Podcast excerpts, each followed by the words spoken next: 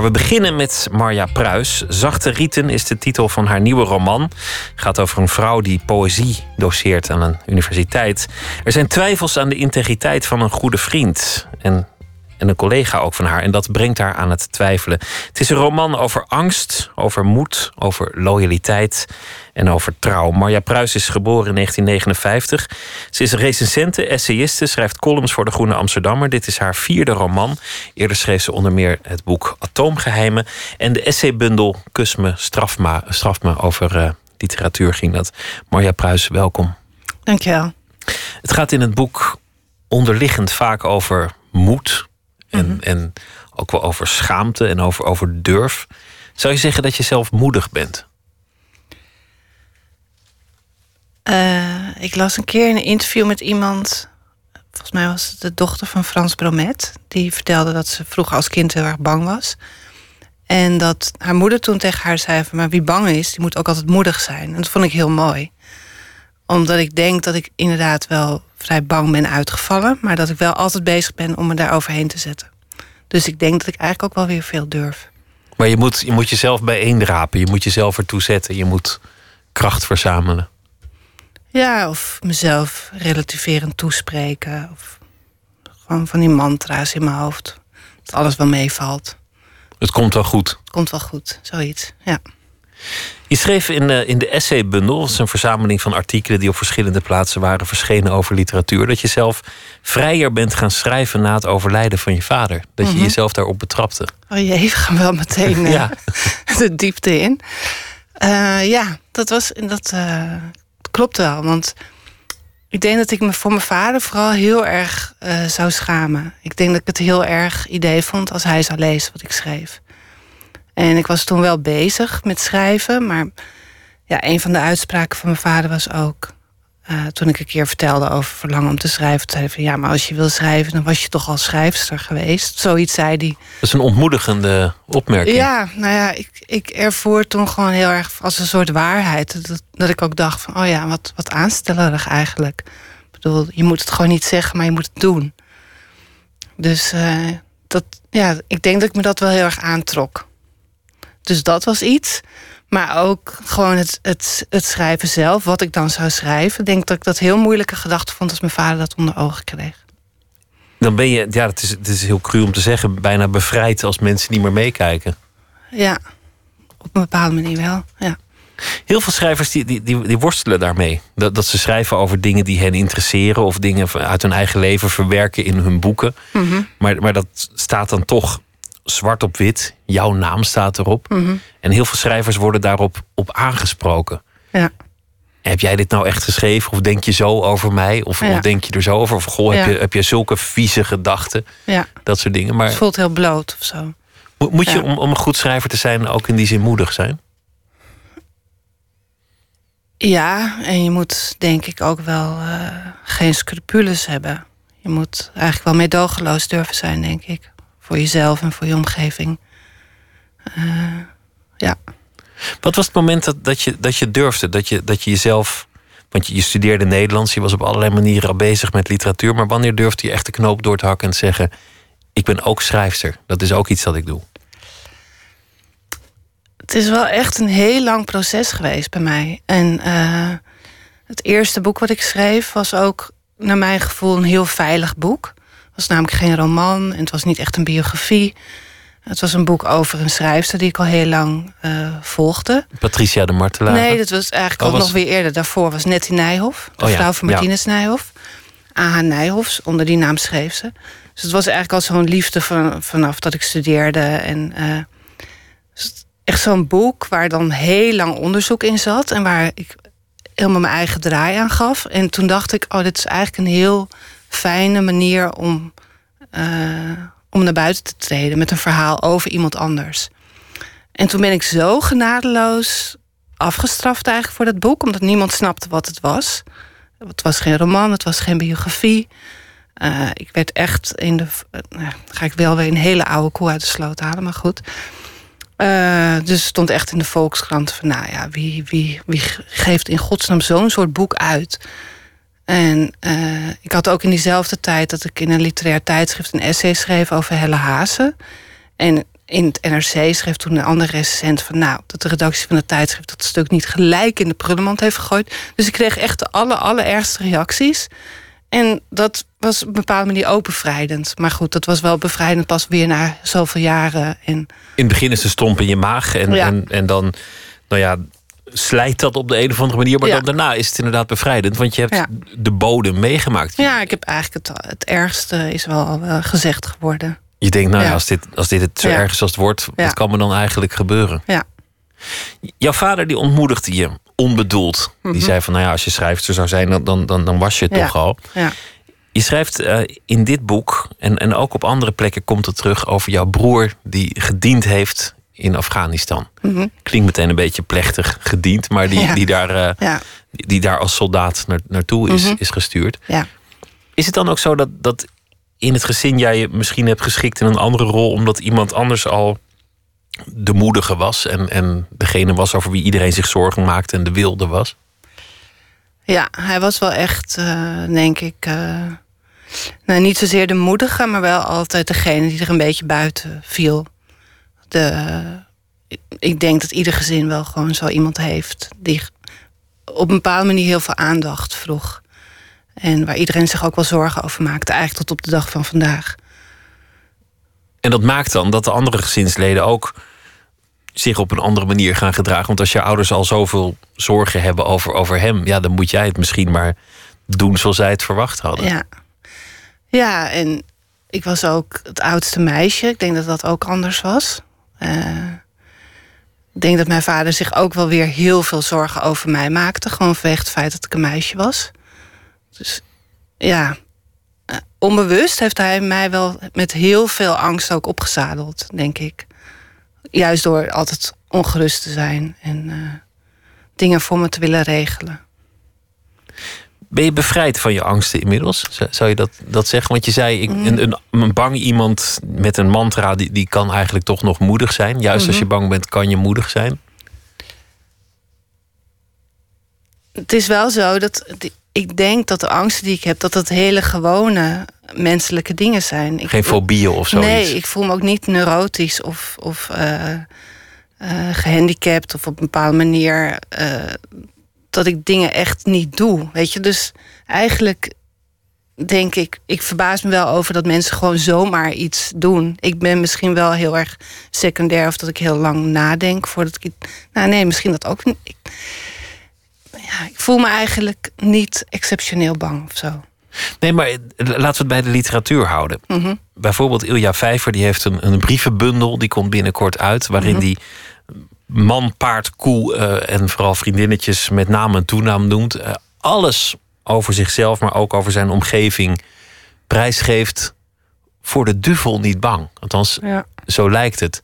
Een manier van schrijven in het leven staan die ik als, als lezer heel erg kan bewonderen, maar waarvan ik bij mezelf zou denken: mm, ik denk niet dat ik dat aan zou durven. Nee. Ik denk heel veel schrijvers niet. En dat, het hoeft niet eens over het persoonlijke te gaan. Het kan ook zijn een, een radicaal boek schrijven, bijvoorbeeld. Ja, ik weet wel dat volgens mij een van de eerste romans die Ilja Leonard Vijver schreef, toen zei hij ook zoiets in een interview van. Uh, uh, ik ga met mijn billen bloot. Of weet je wel, ik doe iets heel gevaarlijks. En ik heb zijn literatuur echt nooit gevaarlijk gevonden. Ik dacht altijd, oh, wat moet dat heerlijk zijn als je dat soort boeken schreef. Ik bedoel, je hoeft nooit bang te zijn dat iemand er iets van zegt. Omdat je niet kwetsbaar bent? Nee, absoluut niet kwetsbaar. Hij heeft zichzelf zo uitvergroot. Hij is gewoon een, een karikatuur van zichzelf. De en ook in zijn schrijven, ja. Dus wat ik denk echt nou, makkelijker op een bepaalde manier is het gewoon niet. Jezelf verschuilen achter een, achter een model van iets dat je, dat je zelf gecreëerd hebt. Dat vind ik ook interessant. Je hebt het nu over een, een, een slechte recensie die je, die je hebt gehad. Mhm. Je beschrijft in een van je, van je columns een keer hoe je, je geliefde de, de trap opkomt met, met de krant. En je even alleen laten om het, om het te lezen. Want kennelijk was het niet goed. Ja, dat was die recensie. Dat was, die, dat was ja. Je bent zelf ook recensent. Mhm. En je beschrijft elders hoe je, hoe je iemand tegenkomt. Die jij, die jij zelf net een wat lauwe recensie hebt gegeven. Ja, ja je kent, ook je kent een hele beide, negatieve recensie. Ja. Je kent beide kanten van, van uh, ja. de strijd. Ja, ik zat op weg hier naartoe, zat ik daar ook nog weer over na te denken. Dat ik, pas was ik ook weer iemand tegengekomen.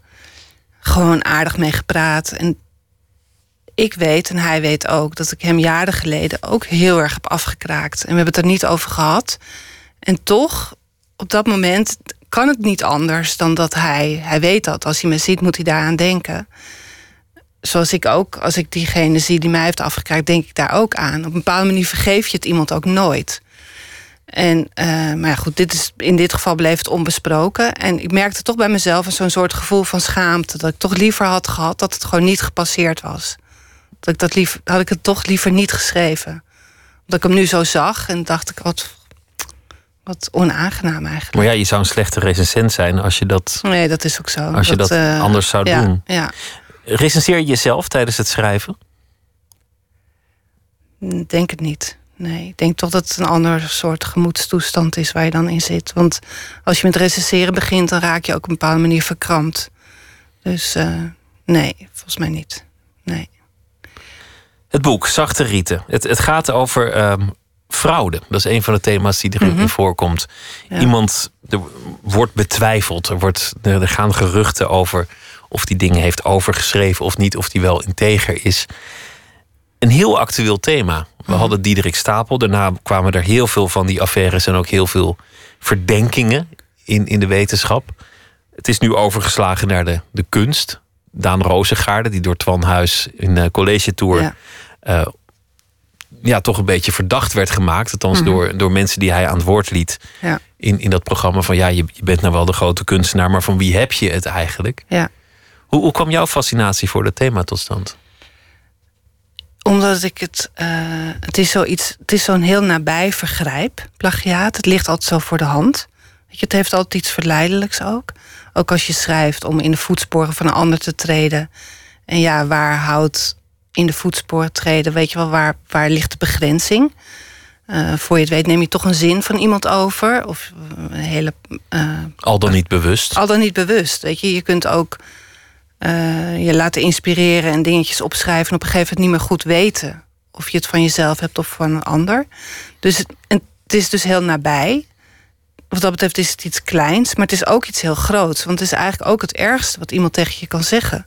Van je hebt het niet van jezelf, je hebt het overgeschreven. De grond wordt onder je voeten weggeslagen. Er ja. wordt gezegd, je, je, je, hoe noem je dat ook weer? Je pronkt met andermans veren. Ja, dat. En erger is eigenlijk niet mogelijk. Je zit daar wel mooi te zijn, maar, ja. maar jij hoort daar helemaal ja, niet te zitten. Nee, inderdaad. Dus uh, het is ja, heel erg als iemand je daarvan beschuldigt. En het is ook heel erg om er weer van vrij, om daar weer van los te komen, volgens mij. En tegelijkertijd ja, ook zo met zo'n Daan Rozengaarden nu denk ik, ja, wat is originaliteit precies? En een ander kan wel hetzelfde idee hebben gehad, maar die heeft niet de tegenwoordigheid gehad of de creativiteit om het ook op die manier naar buiten te brengen of te materialiseren. Het is nog iets heel anders om te zeggen, je, je hebt het ergens vandaan gehaald, dan om ja. te zeggen, uh, jij hoort daar niet te zitten of, of je, je, ja. je laat anderen niet delen in jou. Ja. Maar het is natuurlijk, dat is echt zo'n oerangst. En ik ja, ik heb het er ook wel eens met collega's over. Het ergste wat iemand tegen je kan zeggen is toch van ja, maar wat jij doet, het slaat nergens op. Uh, je doet maar alsof. Je bent gewoon een phony. En tegelijkertijd is het iets wat je zelf altijd een beetje denkt, toch? Dat, ja, je, ik, dat je betrapt zult worden, ontmaskerd. Nee, ook dat je zelf denkt, ja, maar ik ben ook eigenlijk een beetje aan het... ben ook eigenlijk een nep. Ik doe ook maar alsof. Ik doe ook maar alsof ik kan schrijven. Maar volgende week staat gewoon in de krant wil eindelijk eens een keer iemand tegen haar zeggen dat ze het mee op moet houden. Dat het gewoon nergens op slaat. Ik denk dat dat iets specifiek voor schrijvers is, omdat je met niks begint. Omdat het een blanco vel was. Nou, ja. niet eens een blanco vel, een blanco ja. scherm. Druk op escape en het is allemaal weg. Toen jij begon. Ja, nee, dat is ook iets wat sommige schrijvers ook zo zeggen. Van je, je maakt van niets, maak je iets. En dat het enger is, is er niet. En alles wat er op dat blaadje staat, die hele wereld die jij tot leven hebt geroepen, ja. die, die komt allemaal uit jouw eigen ja. Maffe, gekronkelde. Ja, brein. en dan moet je natuurlijk zo je manier vinden om dat niets, om dat grote niets te lijf te gaan. En daar zijn zoveel manieren voor. Ik weet ook schrijvers uh, die gewoon alleen maar zonder enige rem eerst gewoon maar materiaal gaan produceren. Gewoon om maar dat niets uit de weg te ruimen. Maar zo'n soort schrijver ben ik niet. Ik ben meer van dat ik echt inderdaad dagenlang kan zitten kijken naar het niets. En waar begon het? Waar begon dit te stromen? het begon echt met uh, een plekje in mijn nek waar ik last van had. En nou, wat ik ook in het boek beschrijf, van iemand die bij de kapper zit. En dan te hoor ik eigenlijk van ja, misschien heb je wel eczeem, misschien reageer je niet goed op deze verf. Uh, we gaan overstappen op een biologisch spul. En dat ik toen zelf dacht van... oh, maar ik vind het eigenlijk wel fijn om iets te hebben... waar ik een beetje pijn heb. Dus begon ik te denken aan dat het ook wel fijn is... soms een beetje pijn te voelen. Dus iemand die hecht aan pijn. Iemand die eigenlijk de pijnlijke dingen in haar leven... misschien een beetje koestert. Weet je, zwelg is meteen weer iets heel naars... maar gewoon wel iets de pijn altijd bij zich wil houden. Het andere, het andere thema is, is de broer die... Uh die, die dient, ik vind, ik vind het nog steeds een gek woord, in, in het leger in Afghanistan. In de roman is die overleden. het, mhm. is in jouw eigen leven gelukkig goed afgelopen, maar het, het, is een, een grote gebeurtenis. een, mhm. een, broer die sneuvelt. Waar begon dat? Hoe kwam dat het boek in? Ehm, dat begon met die documentaire van uh, Robert Oei, Gesneuveld. Daar zat ik naar te kijken. En sowieso uh, vond ik het een heel mooi gegeven. Het ging over de, de achterblijvers, de familieleden, de geliefden... die dan te horen kregen van... hé, hey, je man of je geliefde of je broer komt niet terug. Dus het ging eigenlijk over degene ook die dat bericht moesten brengen. En uh, er was één verhaal van een meisje wie broer dan niet terugkwam. En die zat dan zo met de vader en moeder en nog de andere aan tafel. En zij zat op, op een gegeven moment werd ze gefilmd op het bed van haar broer. Het greep me zo ontzettend aan. En het was natuurlijk wel nabij voor mij, omdat ik ook dacht aan mijn broer en ook de zorgen die ik me altijd over hem maakte. Maar ook gewoon het soort relatie, dacht ik, broer en zus. Dat is echt zo'n belangeloos soort liefde die je voelt. Dus daar ging het me toen. Dus dat raakte me. Toen dacht ik, oh, dat wil ik eigenlijk wel iets mee doen in het boek. Dat is het, het thema loyaliteit. Zoals ze ook steeds twijfelt, moet ik de, de collega die van fraude wordt beticht confronteren? Moet ik hem een kans geven om het, om het recht te zetten? Of moet ik het gewoon voor me houden? En wat is eigenlijk loyaliteit? Ja, omdat ik toch ook uh, merk, en uh, dat heeft ook met die belangeloosheid te maken. Ik denk dat ik heel erg hou van de gedachte dat je op een bepaald moment sluit je mensen in je hart. Dat dat ook zo blijft. En dat het dan uiteindelijk wat iemand echt doet, dat dat altijd relatief is. Ik bedoel, je hoort altijd mensen zo zeggen van... Uh, ja, maar als je dit of dat doet, dan uh, veroordeel ik jou. En dan, weet je wel, alsof je dan een soort distantie creëert. Terwijl ik ben wel heel erg van de uh, vergevingsgezinde school, denk ik. Dat is echte vriendschap. Dat je iemand zijn, zijn zwakte ook, ook vergeeft. En natuurlijk kan je dan wel teleurgesteld in iemand zijn.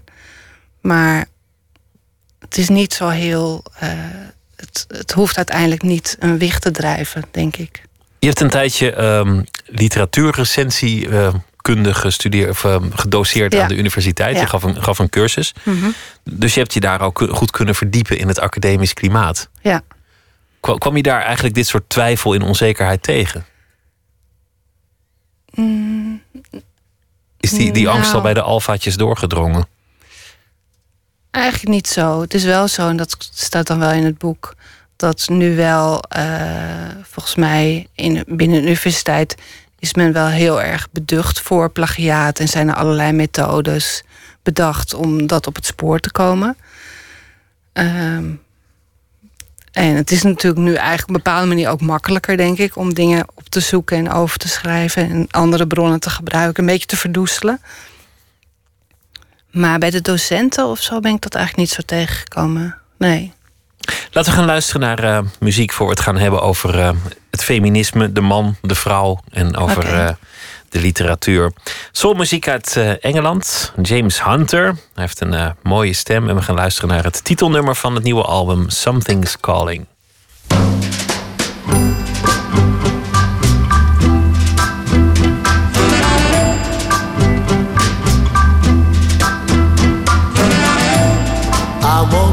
Back this way. Cause something's calling.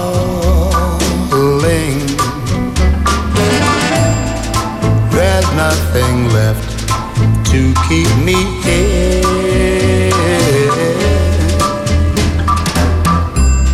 I'd be a fool to stay. Cause something's calling. calling me. I said it's calling. calling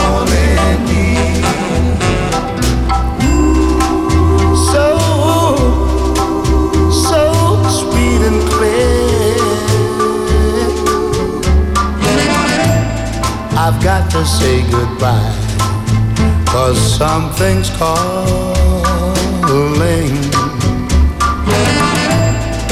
that there's a better life somewhere.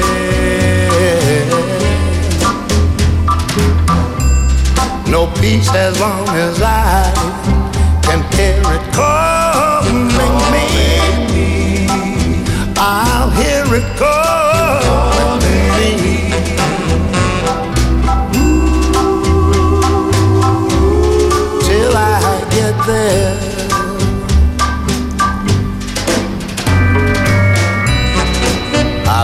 time, however long it takes me. I long as I find whatever awaits me. When will this endless night give way to morning? I don't leave, I'll never know.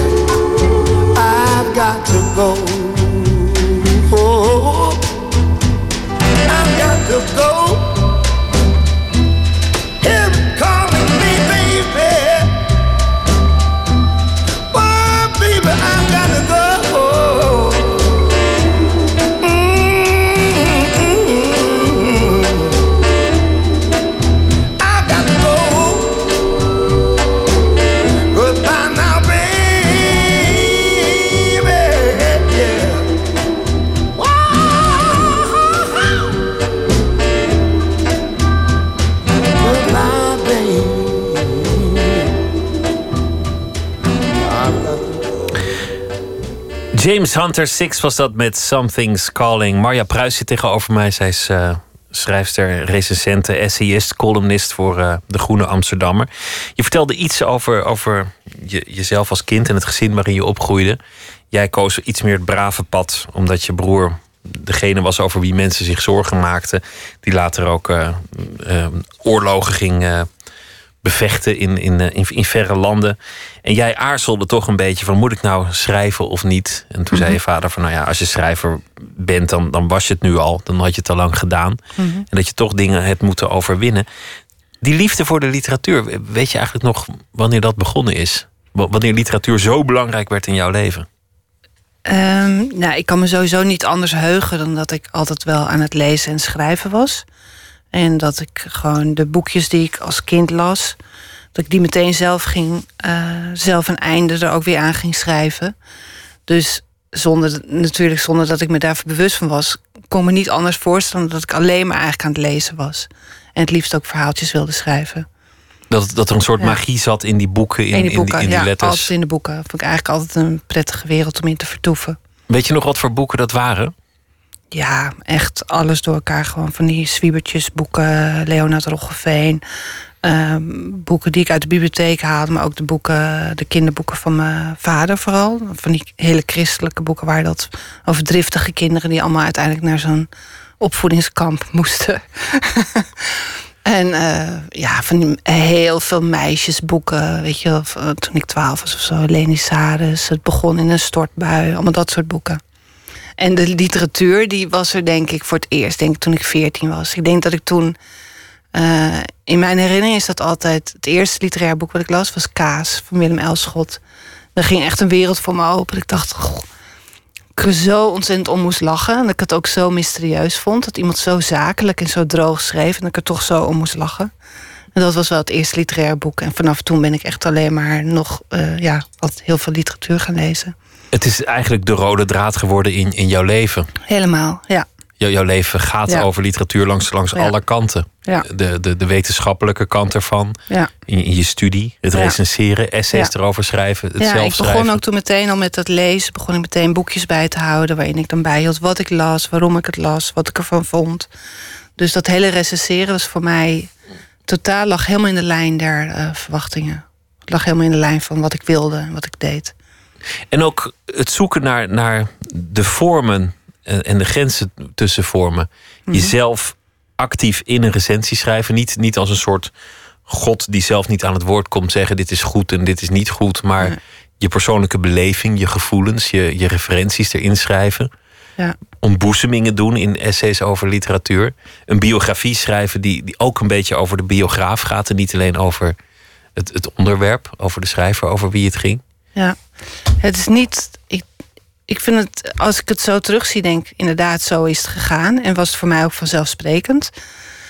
Um, ik had er niet echt voorbeelden van anderen bij, maar dit was wel voor mij de manier om te schrijven, altijd al. Jezelf erin. In Mezelf erin, ja. Gewoon toch om te laten zien hoe literatuur gewoon een deel van je persoon is. En wat dat het niet alleen je blik bepaalt, maar ook misschien wel je manier van leven. Dat het zo ingrijpend is. Iets wat ook altijd belangrijk is in, in jouw ehm, boeken is man-vrouw. De, de, de tegenstelling tussen man en vrouw. Je noemde het net eigenlijk al, dat, dat jouw broertje die kreeg alle ruimte. Daar mocht, mocht men zich ook wel zorgen over maken. Jij schikte aanvankelijk voor een heel andere rol. Mhm. En daar zat ook wel een beetje een, een jongetjes-meisjes ding achter. Ja, zeker. Maar dat heeft ook te maken met bescherming. Gewoon inderdaad uh, opgevoed worden met een soort angst voor uh, mijn vader zei ook altijd zoiets van ja, ik vertrouw jou wel, maar ik vertrouw andere mensen niet. Maar dat is ook typisch de angst waarmee meisjes worden grootgebracht, denk ik. Uh, jij weet wel wat je doet, maar weten die jongetjes dat ook? Of ik, ik weet beter dan jij waar dat jochie op uit is. Ja, ja dat heel erg. En er dan vanuit gaan dat het meisje dat niet stiekem ook heel graag wil. Ja. Bijvoorbeeld. Ja. Hoe zit dat in de literatuur? Merk je dat er andere verwachtingen zijn voor vrouwelijke schrijvers? Dat, dat het dat het moeilijker is of misschien anders is voor, voor een vrouw om te schrijven. En dan bedoel ik vooral dat waar we het net over hadden. Mhm. In hoeverre je kwetsbaar kunt zijn, in hoeverre je moedig moet zijn. Jij zei Ilja Vijver, die, die, ja, die is helemaal niet moedig, vond jij, want die verschuilt zich achter een archetype dat hij zelf gecreëerd heeft. Ja. Um, ja, dat is wel een hele ingewikkelde kwestie, denk ik, omdat er zoveel uh, bij komt kijken. Ik denk wel dat een vrouwelijke schrijver heel snel wordt beoordeeld als een vrouwelijke schrijver. Dus als een vrouw schrijft over vrouwelijke personages, dan schrijft ze over vrouwen. Terwijl de kwesties waar mannelijke schrijvers over schrijven, zijn dan misschien worden eerder gezien als universele uh, kwesties, menselijke kwesties. Terwijl als een vrouw schrijft over een vrouw die een kind heeft, dan, dan schrijft ze een roman over moederschap. Weet je wel, dus op een of andere manier worden de thema's van vrouwen op een andere manier geëtiketteerd, denk ik. En kleiner gemaakt daarmee. Dan is het meteen iets particuliers. Ja. En als eh, bij mannen heb je, heb je de, de ontboezemingsroman. Uh, Zoals, zoals de, de brieven van, van Ilja, die, die ik trouwens heel, heel geestig vond. Mhm. dan, dan heeft het een soort, soort leuke jongetjes onder elkaar-achtige sfeer. Als een vrouw dat doet, dan is het meteen een schandaalroman. Ja. Uh, ja, ik moet even denken. Ja, ik. Dat we Omdat een vrouw misschien zich voor ander, een ander soort dingen zou moeten schamen of zo. Ik, ik heb die brief van Ilja Leonard Vijver niet gelezen. Ik, het klinkt heel aanmatigend, maar ik hoef ze eigenlijk ook niet te lezen. Je gelooft het wel? Ik geloof het wel, ja. ja. In jouw boeken is, is een, een thema dat vaak terugkomt, is, is overspel. Mm komt, komt zijdelings ook in, in, in zachte rieten langs. Maar in, in andere boeken gaat het ook vaak over uh, nou ja, blijde herinneringen aan uh, bezemkasten en, uh, en, mhm. en, vlugge afspraken in, in hotelkamers. Waarom fascineert dat? Ik denk dat het net zoiets is als dat waar we het net over hadden, over dat plagiaat. Het is ook zoiets nabijs en ook zoiets heel kleins en menselijks. En tegelijkertijd ook weer het ergste wat je kunt doen. Omdat het te maken heeft met verraad. Zo wordt het soms wel eens opgevat, ja. Ja. Tegelijk doet iedereen het volgens mij. Volgens mij is het. Uh, hoeven daar niet illusies over te maken dat, dat de scheve schaats die wordt overal bereden. Ja, maar dat, zo klinkt het ook meteen wel weer heel banaal. En uh, het is gewoon een heel groot thema. Je ziet het in heel veel grote romans over vrouwen. Is het ook altijd zo'n ding. En mij fascineert het dan dat uh, Er zijn bijna geen romans waarin overspel plaatsvindt, waarin de vrouw daar niet voor wordt gestraft. Het is op een of andere manier zo'n uh, echt het grote beladen thema, denk ik. En als ze niet rechtstreeks wordt gestraft, dan, dan komt ze op een andere manier rottig aan haar einde. Maar nou, dan ja, wordt, heel vaak wordt ze ook gestraft omdat er bijvoorbeeld een kind doodgaat. En uh, ja, en inderdaad, of, of ze, ze pleegt uiteindelijk zelfmoord. Of, of, of wat dan ook. Ja. Is dat, dat, um, dat komt vaak langs in, jou, in jouw boeken, het, het overspel. En ergens schrijf je, dat vond ik een hele mooie zin. Dit was het laatste onschuldige telefoontje dat ze nog met hem zou voeren. Mhm. Ik citeer het verkeerd, maar, maar zo'n soort zin was het. En dat, vond ik zo mooi geformuleerd. Mhm. die, die relatie die is nog zuiver, mhm. maar het kwaad is al geschied, want die hotelkamer is al geboekt. Hier gaat het gebeuren. En dan is dat het laatste onschuldige telefoontje. Ja. Dat, vond ik een prachtig beeld. Ja. Hoe, hoe bedenk je zoiets? Ga je, ga je daar echt voor zitten van hoe zou dat gaan? Of, of, of hoor je dingen? Of, of heb je een notitieblokje bij je de hele dag? Ehm, ja, sowieso heb ik wel altijd zo'n notitieblokje. En uh, ik kan me dat ook zo. Ik kan me er gewoon wel heel erg in inleven. Uh, omdat ik het denk ik zelf wel heel belangrijk vind. Ik hou wel van gewoon grote liefdes. Liefdes die lang duren. Van passie. Ja. En, een rotwoord. Ja, ik zou het ook niet zo gauw zo gebruiken, passie. Maar ik hou ook wel heel erg van trouw. Dus ik denk ook dat ik daarom ook wel snel denk aan van wat staat er tegenover? Wat is het ergste wat je kunt doen? En dat is dan toch die ontrouw. En toch ken jij ook de verleidingen, neem ik aan. Ik ken de verleidingen, maar ik heb uh, uh, eigenlijk ook weer zoveel. En ik heb zo'n fundament in mijn leven waar ik gewoon toch wel heel voorzichtig mee omga. Kun je aan een boek zien, want dat is een spelletje, dat, dat schreef je in een van je essays, dat, dat uh, regelmatig wordt gespeeld, of het door een man of door een vrouw geschreven is. Er zijn mensen die dat heel leuk vinden om elkaar een bladzij te geven en zeggen: Nou ja, oké, zeg ja, het maar. Ja, dan komen ze net altijd met die, met die verschrikkelijke uitzonderingen aan. Dus dan is Couperus is dan de vrouwelijke ja, je dacht dat een vrouw was, haha, Louis Couperus. Al die bijvoeglijke naamwoorden. Het kan alleen maar, het kan alleen maar een vrouw zijn. Nee, het is Couperus. Uh, maar ik denk wel dat je het over het algemeen wel kunt zien... of iets door een man of een vrouw wordt geschreven. Waar kun je dat dan aan zien? Um, ja, het klinkt nu flauw om te zeggen van waar het over gaat. Maar ik denk dat er wel iets is van een. Uh, uh, het heeft toch te maken met een soort gevoel voor abstracta, denk ik. Voor grote woorden. Uh, ik denk dat een vrouw. Klinkt nu wel heel stereotyp hoor. Maar misschien eerder inzoomt op kleine uiterlijkheden ook. Het detail. Het detail, ja.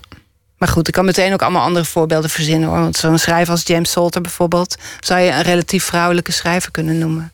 Gewoon ook een soort intens proza wat hij schrijft. Soms gebeurt het dat er een, een boek verschijnt dat, dat heel goed verkoopt of veel stof doet opwaaien, dat, waarvan de schrijver, de auteur, niet bekend is. Bijvoorbeeld een, een, eh, een boek dat over seks gaat of zoiets. En dan, dan is het, het eh, je had het geheime leven van uh, Catharine M. bijvoorbeeld in de tijd. Eindeloos gespeculeerd, wie is het nou? Wie heeft het nou geschreven? Ja. Dan zijn het de mannen, als het over seks gaat, die zeggen meteen: ja, dat is een man. Dat is helemaal niet door een vrouw geschreven. Er zit zoveel seks in. Ja, uiteindelijk bleek dat heel anders te zitten. Maar kun je het aan zoiets zien? Um, ja, vind ik heel moeilijk te zeggen eigenlijk. Het heeft niet te maken met de hoeveelheid, denk ik. Het is misschien wel. Uh, uiteindelijk verbaasde het mij niet dat dit een vrouw was die dan weer heel erg door haar man gemanipuleerd werd. Want het was wel een soort van seks waarvan je denkt van... is dat nou uh, iets wat een vrouw vrijwillig opzoekt? Ze werd gereduceerd tot een onderlijf. Tot een object, ja, ja, ja. En dan was haar man geloof ik de voyeur... of die anceneerde het, of die regisseerde het. Die organiseerde die avondjes. Ja, ja. Wat in Nederland ook zo'n boek, dat was uh, van Tina Weemoed. Die, ja. had jij gerecenseerd. En daar was, je, was je heel lovend over. was een erotische roman. Mm -hmm. Dat ging, nou ja, uh, alle, alle vleesbenamingen hoef ik er niet mm -hmm. bij te halen. Maar het was, het was duidelijk ook literair. Mm -hmm. Jij vond het heel mooi en jij schreef daarover. Um, zij beschrijft eigenlijk de ultieme vrouwelijke fantasie. Mhm. Namelijk onderworpen worden. Ja, ontvoerd worden, onderworpen worden. Waarom, waarom ja. vond je dat zo'n goed boek? Omdat er heel erg zo'n soort mooie frictie in zat van een vrouw die uh, haar leven heel goed op orde had. En die um, zich letterlijk inderdaad door een taxi liet meevoeren naar een soort onbekende bestemming. En uh, zichzelf klein durfde te maken. En dat had echt, het was echt puur iets seksueels. Het was helemaal niet, had niks te maken met een soort zelfhaat of zo. Het was echt gewoon een genot wat ze zocht. Het was, het was louter seksueel. Ja, ja. En toch zat er ook bij haar iets in van uh, een soort frictie van hoe krijg je het gewone leven en het seksuele leven, hoe krijg je dat bij elkaar op een, op, in één lijn? En dat hoeft natuurlijk helemaal niet. Maar ik vond het mooi aan dat boek dat gewoon dat je voelde van hé, hey, er klopt iets niet helemaal. Er is toen heel veel gespeculeerd over wie het geschreven had. Mhm. Ook daar weer zeiden de mannen: het is een man, er zit zoveel mm seks in, er is helemaal geen vrouw die dat geschreven heeft. Mhm. Was jij het?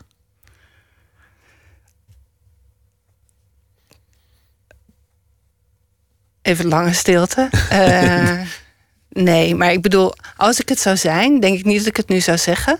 Nee. Dus ik, uh, nee. Nee, toch, toch een stilte. Dat zegt wel iets, die stilte. Ja, het zegt wel iets, omdat het natuurlijk ook wel mooi is om een beetje de, de, de illusie in stand te houden dat ik het zou kunnen zijn. Dat vind ik ook wel fijn. Zo'n roddel moet je nooit ontkennen, want dat, dat, dat, zou zonde zijn van, van de pracht van de roddel. Ja. Als dat zo zou zijn, wat strikt mhm. theoretisch hypothetisch is, dan zou, je, zou het helemaal mooi grap zijn omdat je je eigen boek gerecenseerd hebt. Ja, zou wel heel stoer zijn. Ja. Zou je durven, trouwens, een erotische roman schrijven? Ik weet niet of ik het zo interessant zou vinden. Ik denk, en daarom vond ik dat boek van uh, Tina Weemoed heel goed, omdat uh, er meer in zat dan seks alleen. En uh, uiteindelijk uh, werkt erotiek, vind ik, alleen toch goed in een, in een goede context. En ehm, Volgens mij is dat dus het allermoeilijkste om, om te schrijven. Ja, het, het is zelden gelukt. Een, een pornografisch boek schrijven dat ook nog echt sterk is. Ja, er zijn er een paar. Ik weet nu eentje, Alina Reyes, vond ik heel goed, de slager. Zo'n is echt typisch zo'n Frans boek. Ja. Heel poëtisch en tegelijkertijd ook wel rauw. Ook een beetje raar. Uiteindelijk ontspoort er altijd iets, waardoor het gewoon niet helemaal volgehouden wordt. Het is best, best moeilijk om het een roman lang vol te houden, volgens mij. Ja, ik vond dat boek maar het intrigeert me wel altijd. Het boek van Tina Weemoed vond ik, vond ik in dat opzicht heel, heel geslaagd. Mhm. het, het, was ongegeneerd seksueel, maar mhm. toch ook, ook literair. We laten die stilte gewoon lekker zitten. We gaan luisteren naar uh, Max Jury met uh, het nummer Namp. Hij is 21 jaar, hij komt uit Des Moines en hij is uh, zanger en pianist. En hij heeft er ook nog een, een heel gospelkoor bij gehaald.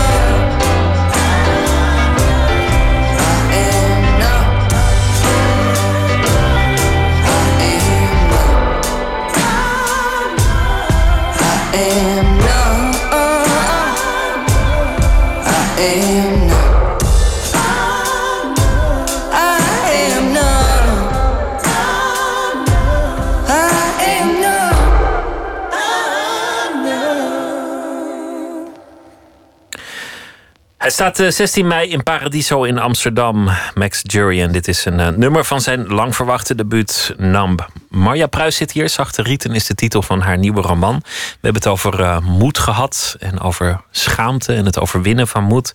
Je een angstig persoon die moet juist moedig zijn. Je moet jezelf toespreken en met een mantra dat overwinnen. Je wilde nog wel zeggen, ik ben niet fobisch angstig. Het is niet dat ik pleinvrees heb of dat soort dingen. Of dat ik bij een psych loop. Maar ik moet mezelf er altijd wel toe zetten om mezelf schrijver te noemen, te presenteren aan de wereld, om, om het aan te gaan. Je was ook wel bevrijd van angsten, omdat veel al een keer gebeurd is. Een hele slechte recensie, waarin de grond echt onder je voeten vandaan werd getrokken die had je wel eens uh, al gekregen. We hebben het gehad over je broer die uh, naar Afghanistan ging. Een thema dat vaak in je boeken terugkomt. Hij was degene over wie iedereen zich zorgen maakte. Jij moest je daarom wat meer gedijst houden. Althans, zo heb je dat zelf ervaren. En dat had ook wat te maken met het jongetje of een meisje zijn. Iets wat ook mhm. vaak terugkomt in je werk. De rode draad in je bestaan, dat is de literatuur. Daar waren we het ook al over eens. We probeerden erachter te komen of er zoiets bestaat als een vrouwelijke of een mannelijke stem in de literatuur. We hebben het gehad over vreemdgaan, mooi thema voor iedere schrijver. We hebben het gehad over seks. Probeerde je nog uh, iets in de schoenen te schuiven, dat je een, een prachtige erotische roman hebt geschreven. En toen uh, liet je een hele lange, plechtige stilte vallen. En dat vond ik ook wel verstandig om die stilte te laten vallen. En toen dacht ik, weet je, ik ga niet uh, op de brandstapel naast Van Huis eindigen. Ik ga gewoon uh, niet, door, uh, niet doorpeuren. Ik, ik laat die stilte ja, gewoon voor, voor, wat hij is. Ja. Je moeder is, is oud. Je, mo je moeder is geleidelijk aan achteruit gegaan. Mm -hmm. die, die zit in een verzorgingshuis. Ook dat is iets dat af en toe voorbij komt in jouw, in jouw werk, in, jouw, in jouw mhm. essays. Hoe het is als iemand ja, onttakelt Mhm. achteruit gaat. Dat zit op een heel andere manier ook in jouw boek. Iemand die ziek wordt in, in de omgeving. Mhm. Wat mij daaraan fascineert hoe jij het beschrijft, is dat het een groot drama is, maar ook een heel alledaags drama. Iets, iets dat zich heel geleidelijk voltrekt. Ja, ook omdat het iets heel normaals is natuurlijk. dat mensen ziek worden. Wat, wat iedereen uiteindelijk eh, meemaakt. Ja. Hoe heeft dat jou veranderd om, om één ouder te verliezen en de andere ouder oud te zien worden? Um, nou, toen mijn vader overleed, toen dacht ik, nou, er kan me nooit iets meer ergers gebeuren.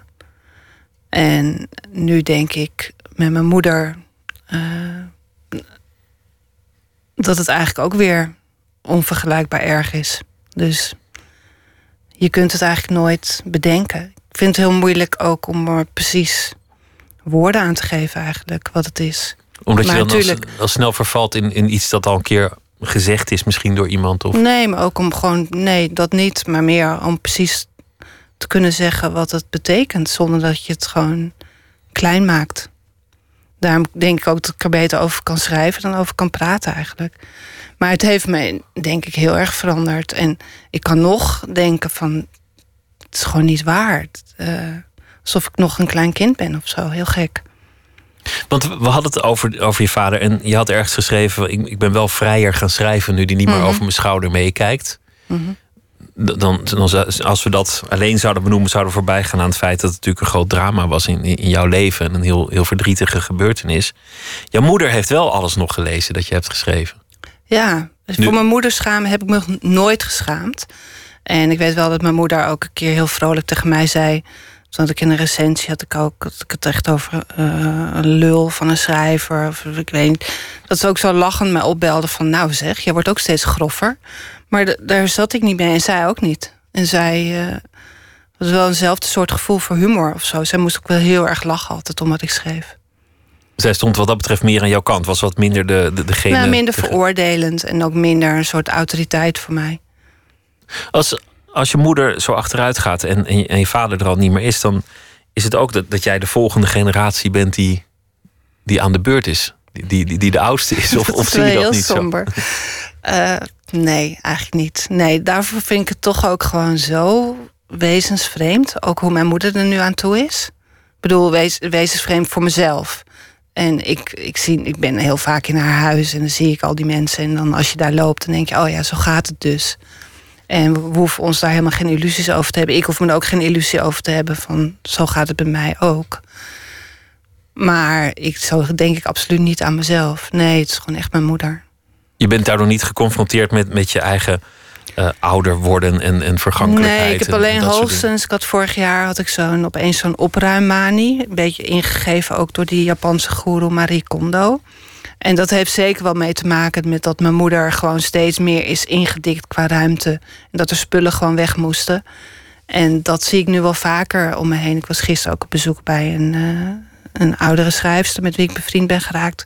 Die is ook net naar te huis gegaan. Die heeft zich ook van allerlei spullen moeten ontdoen. Dat vind ik wel heel relativerend. Weet je, je kunt zo hechten aan de dingen die je om je heen hebt verzameld. En uiteindelijk blijft er, is het allemaal zo, zo nietig of zo. Is het, komt en het gaat en dan ineens was dat. En dat is ook niet waar je aan vast moet houden. Wat kan de literatuur voor jou betekenen? Omdat dat jouw hele leven er toch wel over ging. Omdat in elke fase boeken alles voor jou hebben betekend. Mhm. Het waren je rolmodellen, het waren je angsten, het, waren je, uh, je, je, het was je troost. Als je, ga je dan andere boeken lezen als je met dat soort dingen bezig bent ineens? Mm, nee, niet echt. Nee, Haal je er andere dingen uit? Nee, ik denk dat nu... Uh, voor mij is het heel belangrijk dat ik gewoon zelf schrijf, denk ik. En dat is wel een manier ook om op een goede manier na te kunnen denken. Bijvoorbeeld over wat met mijn moeder gebeurt. Gewoon die essay schrijven. Of in, in, de roman waar het dan een vriendin is die, die ziek is. Maar dat, ja. dat, dat, heeft een soort gelijk thema natuurlijk. Ja, dat is wel... Uh, dat is dan wel, gewoon dat woord troostend dan maar te gebruiken... is wel troostend om dan dat precies onder woorden te brengen. En het de zwaarte te geven die het, die het verdient. Wat ik een mooi beeld vind, uh, is, is dat, je, dat je zei... Ik, ik deed het eindelijk, ik schreef en ik, ik, ik bracht het uit. En meteen gebeurde het ergste dat een schrijver een beetje kan gebeuren. Mhm. Namelijk, ik kreeg alle hoeken van de kamer te zien in de recensie. Mhm. En daarna denk je, als dat enigszins is ingedaald, van nou ja, oké, ach, als dit het ergste is, dan, dan, dan moet het voortaan maar zo. Dan kan me eigenlijk niet zoveel meer gebeuren. Mhm. Wat er dan overblijft, is de tijd die je hebt zitten tobben. Hoe bedoel je? Nou ja, dan heb je heel lang geaarzeld alvorens dat uit te brengen. En dan, en dan gebeurt het. En dan had je eigenlijk helemaal niet hoeven aarzelen. Oh, dan had ik het eerder kunnen doen allemaal. Ja, of, of misschien ook niet. Het is eigenlijk meer een vraag. Hoe, hoe kijk je aan tegen het verstrijken van de tijd die je nodig had om te komen op het punt waar je nu bent? Ja, dat is wel een, een punt dat ik soms wel kan denken: oh, ik heb veel te lang over gedaan allemaal. Wat een onzin. Waar was dat voor nodig? Ja, wat een omweg heb ik bewandeld. Maar kennelijk was dat nodig. Waarom ben ik niet toch moediger geweest? En tegelijk denk ik ook van oké, al dit geaarzel en die omwegen zitten nu dan in hoe ik schrijf. Hoop ik dan maar. Dat dat toch dan iets ten goede is gekomen aan. Gewoon wat jij net ook zei, dat ik altijd mezelf in de strijd gooi. Misschien had ik dat anders niet gedaan.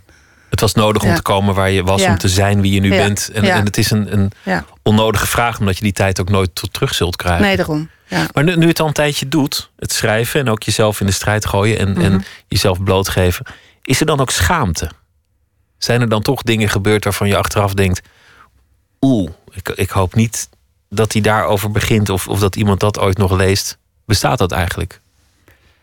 Schaamte vind ik wel iets uh, wat altijd gewoon meer in, uh, wel in mijn systeem zit. Ik heb op een gegeven moment heb ik ook uh, voor de Groenen heel veel mensen geïnterviewd over schaamte. Omdat ik wel dacht, en het was dus eigenlijk een beetje in het begin van mijn schrijven, dat ik moeite had om ergens overheen te komen. Dus ik was heel benieuwd hoe anderen dat dan deden. Uh, ik, maar ik, voor de dingen die ik heb geschreven, schaam ik me eigenlijk helemaal niet. Ik zei wel net van dat ik iemand tegenkom die ik heel slecht heb besproken. En ik kan wel zien dat in het begin, toen ik net recenseerde, dat ik er veel meer plezier in had om mensen totaal af te kraken. Of om heel, uh, uh, om heel veel grappen te maken over mensen. Heel hatelijk te schrijven.